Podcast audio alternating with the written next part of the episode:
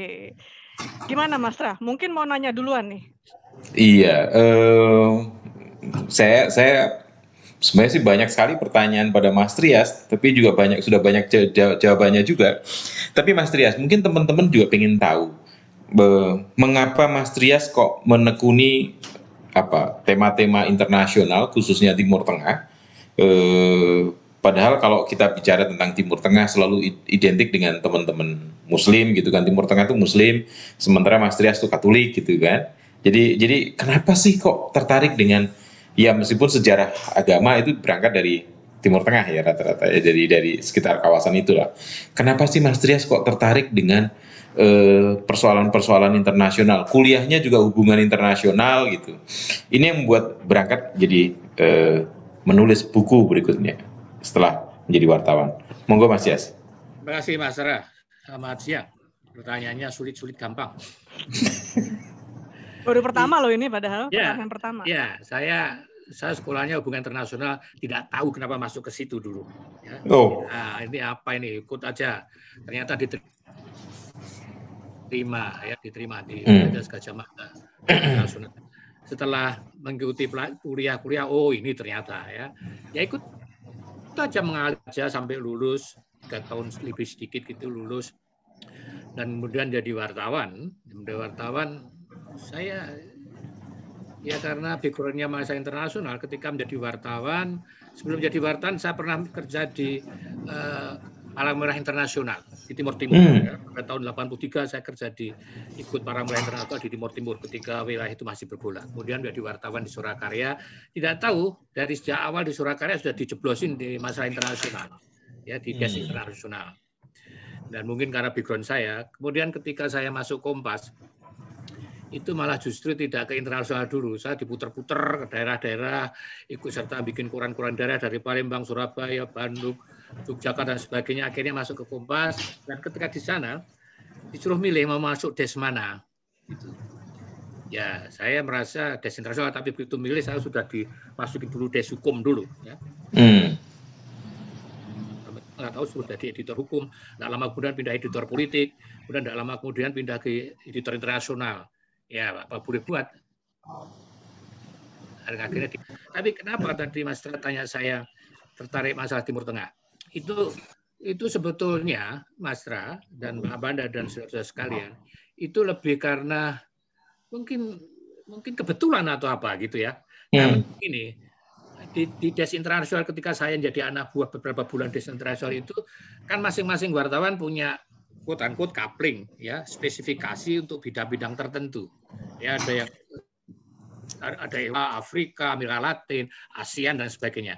Saya sebetulnya ke ASEAN khusus tentang Filipina ya. Saya, hmm. Karena saya kenapa? Karena saya merasa quote unquote ya, merasa tahu, hanya merasa saja. Yang orang nggak tahu, merasa tahu karena saya bolak-balik ke Filipina sejak revolusi People Power tahun 83 ya. Ketika Marcos jatuh saya di sana sehingga saya merasa sangat paham Filipina. Saya saya menekuni Filipina. Dan kemudian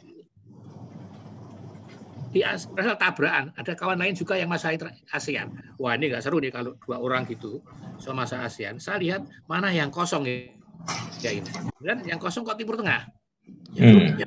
Tapi saya mikir gini, ini Timur Tengah ini kawasan yang bu, dikatakan saya pernah baca buku almarhum Kirdi Dupoyudo dari CSS dulu sebagai pusaran konflik, ya kan, pusaran hmm. konflik. Sehingga dan ke Indonesia kaitannya secara emosional itu sangat jelas, sangat kuat. Saya merasa, saya merasa ini masalah yang akan panjang, akan panjang dan mesti akan benar kalau kalau kemudian diulas secara mungkin lebih komprehensif, lebih ya agak beda sedikit. Itu menarik karena secara emosional sangat terkait dengan Indonesia, ya. Dan secara internasional juga sangat menarik karena itu di situlah menjadi pusaran konflik. Semua persoalan dunia, persoalan konflik muncul dari sana, kemudian itu akan muncul ke mana-mana. Sehingga saya kemudian oke okay lah, saya masuk ke ke misalnya menekuni bidang uh, kawasan Timur Tengah ya. Mulai dari awal baca baca. Dan saya merasa dulu saya pernah dalam sekolah saya waktu SMA itu juga pernah belajar tentang Timur Tengah. Tapi hmm. itu dari sisi yang lain Saya merasa, oh ini kok ketemu gitu loh, saya ketemu. Kemudian saya berasa untuk saya coba saya pakai pendekatan ini untuk menyelesaikan saya Timur Tengah. Gitu loh. Jadi karena masuk Timur Tengah secara secara nasional, secara masalah itu bukan soal agama, secara masalah, ya kan? Secara masalah. Bahwa pada perkembangan kemudian ya sekarang perkembangan kemudian itu masuk masuk faktor agama tidak bisa dihindarkan ya kan karena pada mulanya kan sampai sekarang kan problemnya problem kedaulatan ya kan Mhm. problem kedaulatan sehingga itu masalah kedaulatan masalah tanah ini dalam perkembangannya memang masuk faktor-faktor agama masuk ke situ ya kita tahu sampai sekarang nggak jelas kira-kira gitu Mas Tra secara secara ringkas Nah, Oke, Jadi- terima kasih. Jadi Kalau banyak hal ditanya- kebetulan yang kemudian menjadi membuat menjadi Mas Trias seperti sekarang ini. Monggo Mbak Bobi, eh Mbak Mbak Amanda. Oh, apa salah, yang sampai salah lo menyebut nama saya. iya loh. Wah. Karena terlalu sering kelihatan dengan Mas Bobi, jadi ya jadi Mbak Bobi tadi keliru jadinya. namanya Amanda Bobby. Nah, Iya.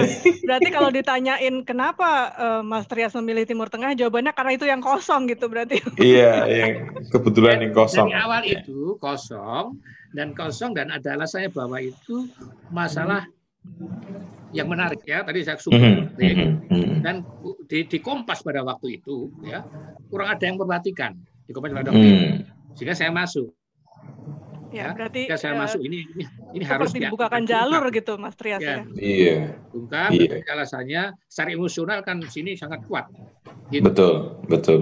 Dan tadi SMA-nya juga sudah ketemu dengan Timur Tengah, meskipun Ya, saya bela- ya, dari sisi yang lain. Ya kitab suci, waktu gitu kan. Hmm, Jadi Iya, kan ada cerita-cerita seperti itu. Ya. oke. Baik, terima kasih Mas Ya. Trias. Eh, Jennifer? Mana Jennifer ini? Ya, Yuk, kamu boleh tanya loh. Udah dari kemarin Sekarang kan menyiapkan saatnya pertanyaan. Jennifer. Iya, saatnya Jennifer tampil. Silakan Jennifer. saya mau tanya eh, untuk Pak Trias tuh pertama kali idenya buat kan kalau satu buku itu kan ada tema besarnya gitu. Itu udah kayak dapat inspirasinya dari mana ya? Tema Ya. besar untuk sebuah buku. Jadi ini per buku nih nanya ini ya. Panjang nih jawaban ini. Ya, tergantung mau panjang atau pendek. Kalau satu buku dua menit, berarti tadi sudah ada 15 buku, jam. 30 menit berarti. Ya, terima kasih Jennifer.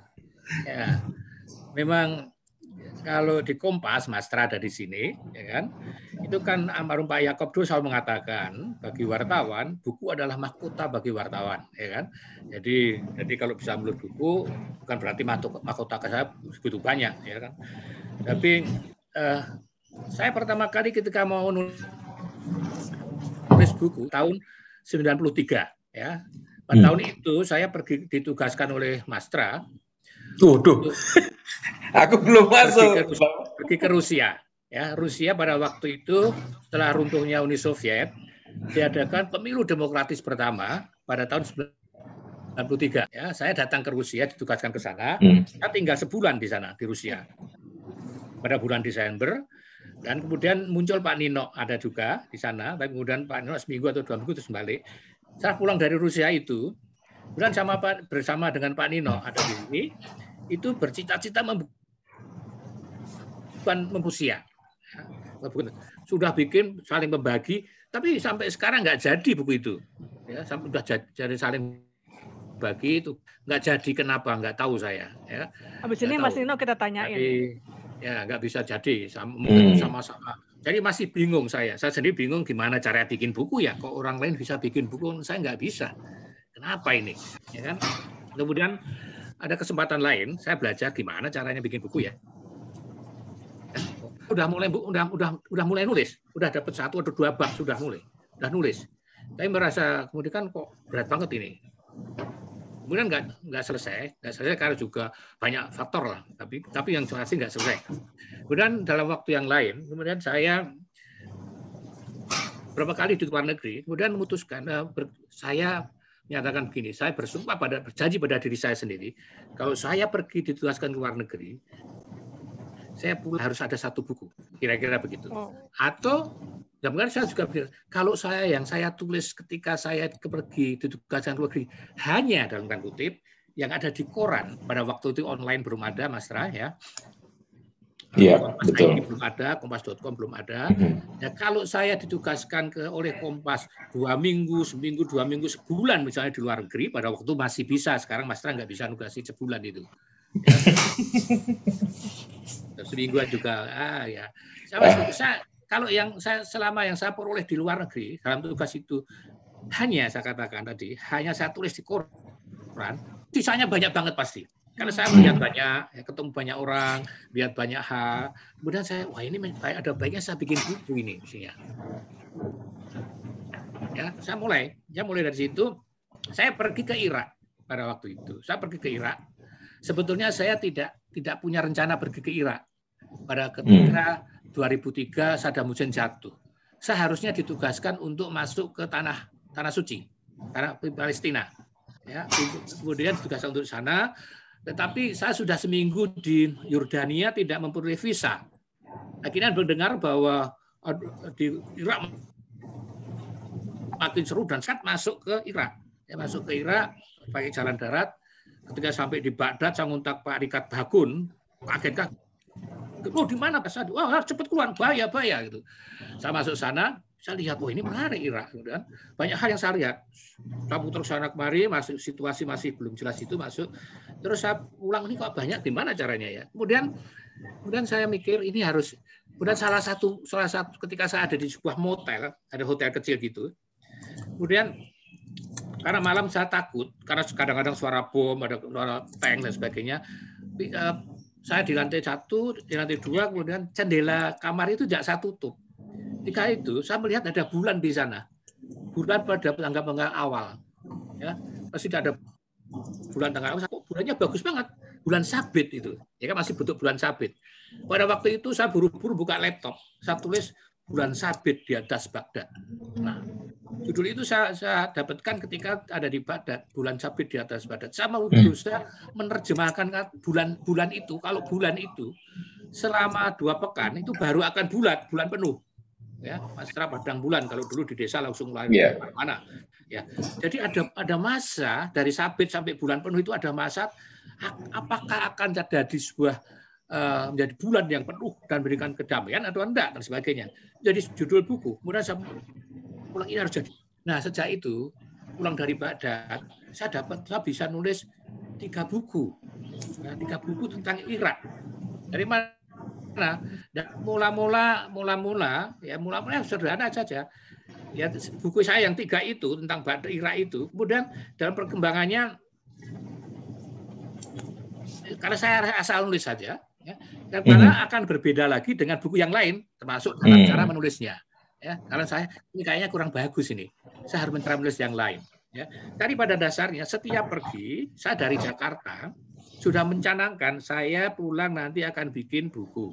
Sehingga ketika saya pergi ke tempat tujuan, entah itu Rusia, entah Barat, tempat negara lain, saya sudah menyiapkan hal-hal yang ingin saya saya akan cari ini, ini, ini sudah start, ya sudah saya daftar.